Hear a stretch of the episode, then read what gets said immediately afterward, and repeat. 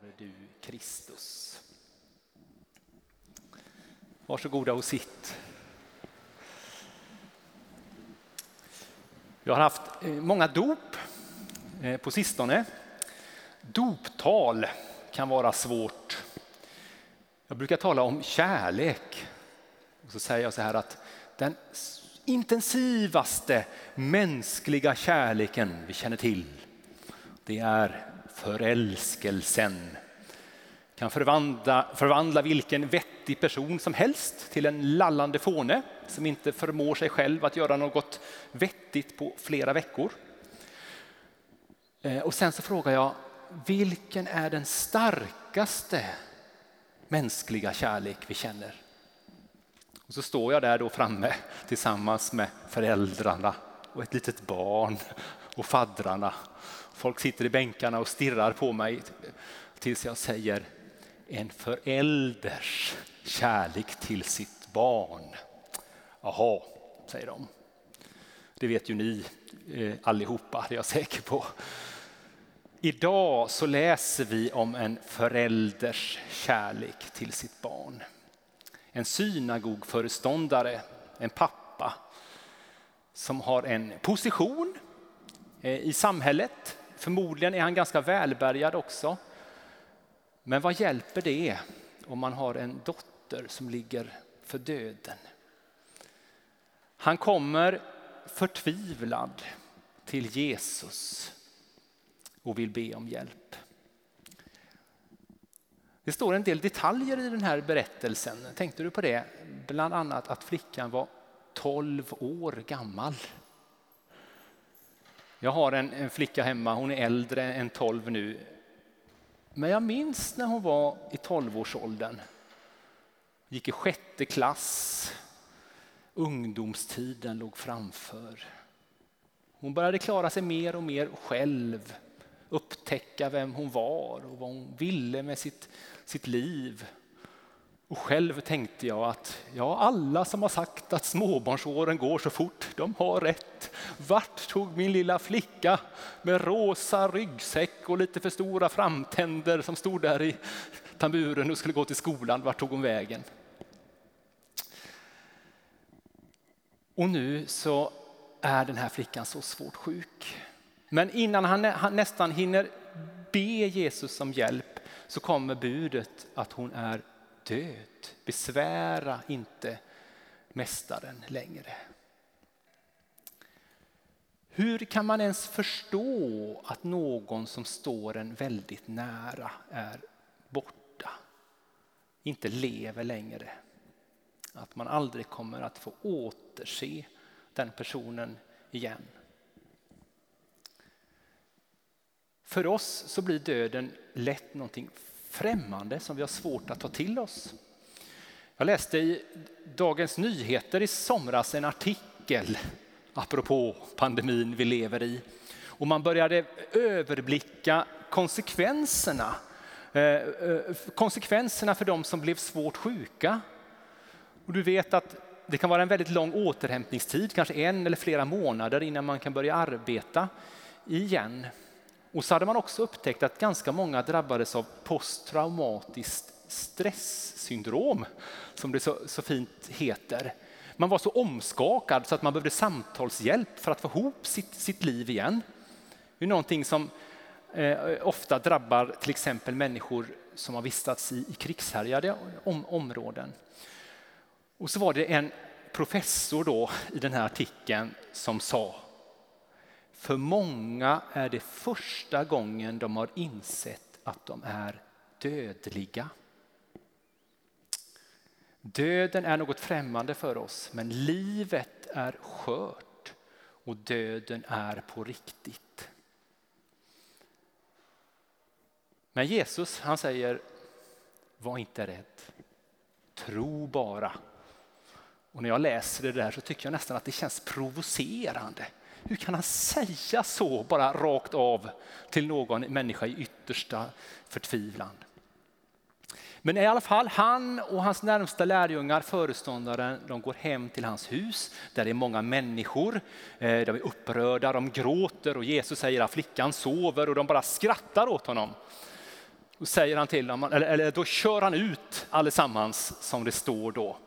Och så säger han till den här flickan, lilla flicka stå upp. Och han säger det på arameiska, det är så Markus återger det, talita koum. Varför har Markus gjort sig besvär att återge detta på det språk som Jesus talade?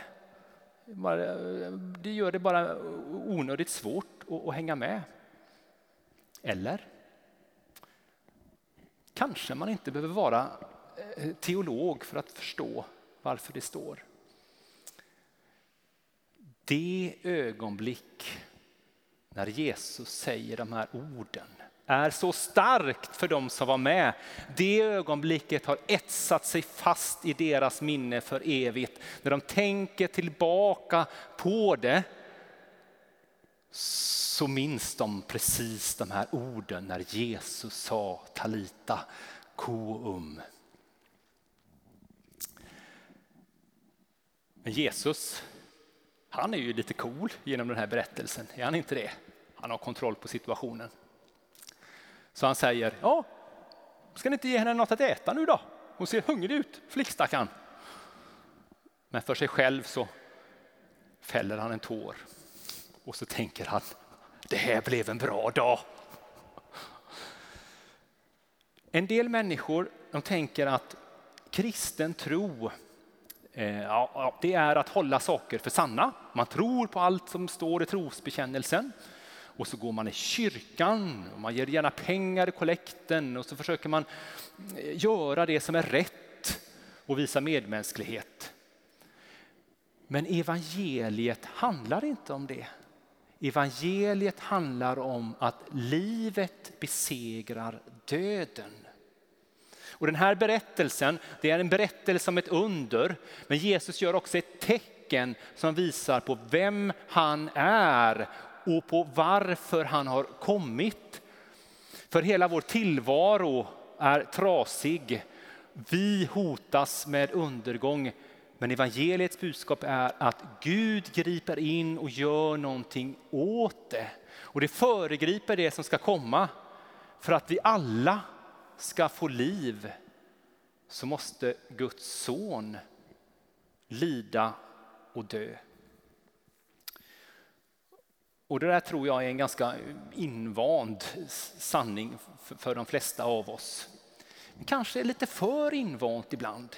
Vi har svårt att riktigt ta till oss tyngden av vad det innebär, det som Jesus gjorde.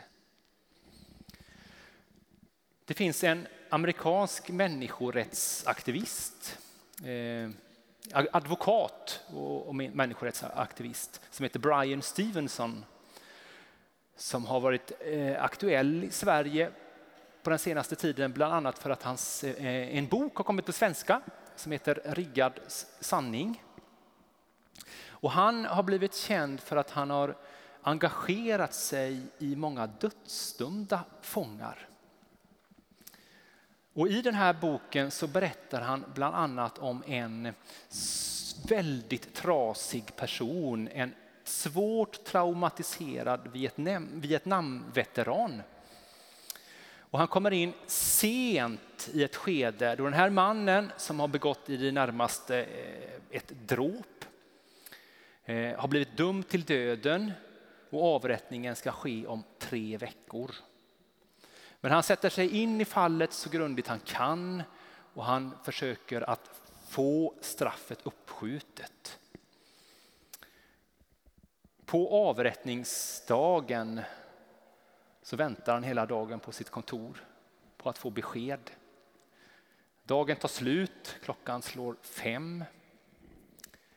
Han är kvar, klockan slår sex. Klockan sju så ringer telefonen. Det är från Högsta domstolen och de har fått avslag på sin ansökan. Så när han står där med telefonen i handen så slår det honom att han har lovat att vara med vid avrättningen om, de skulle komma till, om det skulle komma till detta.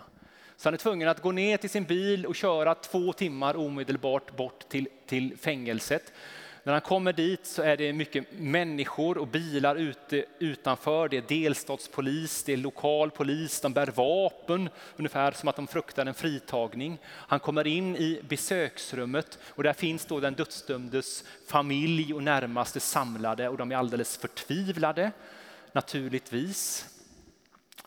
Det går en stund och sedan så kommer besöksvakten in klockan tio på kvällen och säger att nu måste ni ta ett slutgiltigt farväl. Eh, hans fru bryter fullständigt ihop och kastar sig om halsen på honom och vill inte släppa taget. Och besöksvakten vet till slut inte hur hon ska reda ut den här situationen. Hon blir själv förtvivlad och, och nästan gråtfärdig. Hon vänder sig vädjande till Brian Stevenson för att han ska hjälpa henne Eh, och på något sätt så lyckas de reda ut detta så att de kan föra bort den här mannen till avrättningsrummet dit också eh, hans advokat då får följa med.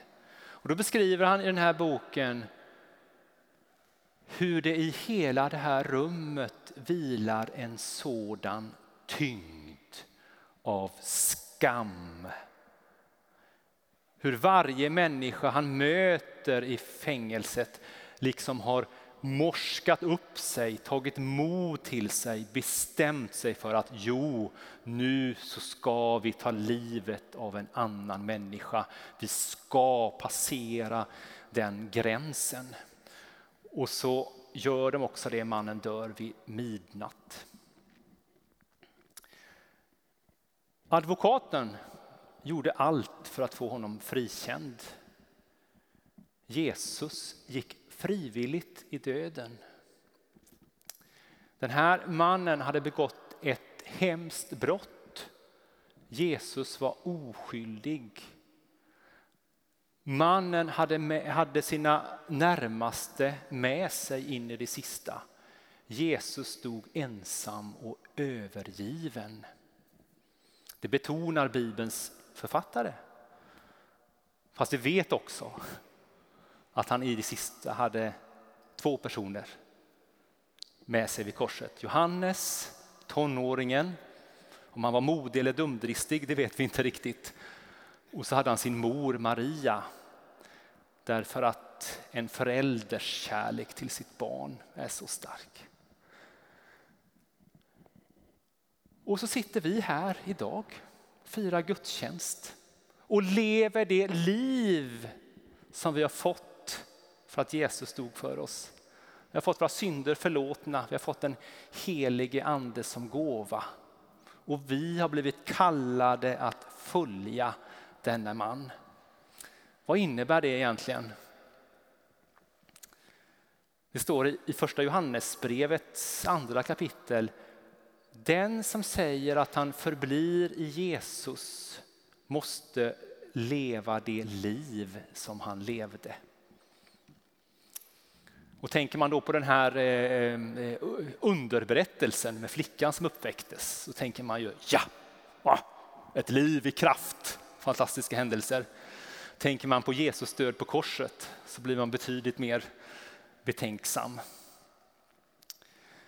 Jag hade en konfirmand en gång en, en sommar, en ensam konfirmand, ett missionärsbarn som hade växt upp i Etiopien, varit med i Mekane Jesuskyrkan där.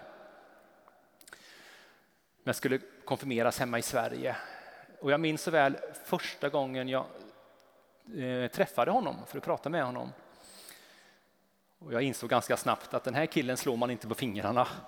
Han hade gått åtta år i söndagsskola i mig kan det eh, eh, och så frågade jag nästan lite onödigt så här, ja men, men hur, hur skulle du säga, är du en lärjunge till Jesus? Då blev han tyst ett slag och såg lite eftertänksam ut.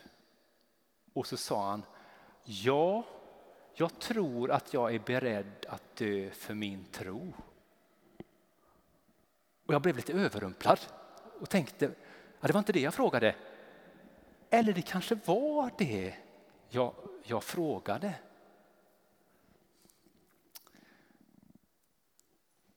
Nu vet ju både eh, vi och Petrus vet det, att Jesus är barmhärtig så att han inte kräver mer av oss än, än vad, vi, vad vi klarar av. Men även om vi inte hotas av martyrdöden så är ett liv i lärjungaskap att dö bort från sig själv. Att dö bort ifrån självupptagenhet, från själviskhet. Och det kan vara en ganska svår väg att vandra många gånger när man har många röster, krafter runt omkring sig som pressar åt ett annat håll och vill få en att istället jaga framgång, att hamna i centrum eh, istället. Men om du känner en tacksamhet, om du förstår något av det Jesus gjorde, så ta ditt lärjungaskap på allvar. Du vet att söka Gud genom bön, genom Bibeln, att vara med i en församling, få stöd från andra människor, att andra människor kan be för dig. Det är ingen eh, extra eh, bonus för de som har råkar ha tid för det. Det är så en lärjunge besegrar mörkret. Det är så livet besegrar döden. Nu är döden inte slutgiltigt besegrad. Vi har fortfarande våra dödliga kroppar kvar. En gång ska vi dö. Vi vet inte riktigt vad som, vad som kommer hända då. Men kanske är det så här när du har slutit dina ögon för sista gången så går det ett ögonblick och så hör du en röst. Kanske är det på arameiska, jag vet inte, som säger Kära vän, stå upp. Och så öppnar du ögonen så står Jesus framför dig. Och Jesus han ser lite klurig ut och så pekar han på dig och säger du ser lite hungrig ut. Jag har fixat lite mat. Det finns faktiskt ett visst bibliskt belägg för att Jesus lagar mat åt människor som är omskakade av det här med död och uppståndelse. Vi väntar ännu på den kroppsliga uppståndelsen, men uppståndelsens kraft är verksam i oss här och nu. Amen. Vi ber vi tackar dig Jesus för att du dog för oss, för att du uppstod. Vi tackar dig att du visar hur Guds rike har brutit in genom mirakler då, genom mirakler nu. Tack för livet som vi får av dig. Gör våra hjärtan öppna, mjuka så att vi kan ta emot det. Hjälp oss att leva i i, i din efterföljelse. Hjälp oss att dö bort ifrån vårt eget. Låt det eviga livet få växa till inom oss. Tack att du vill göra det, Jesus. Amen.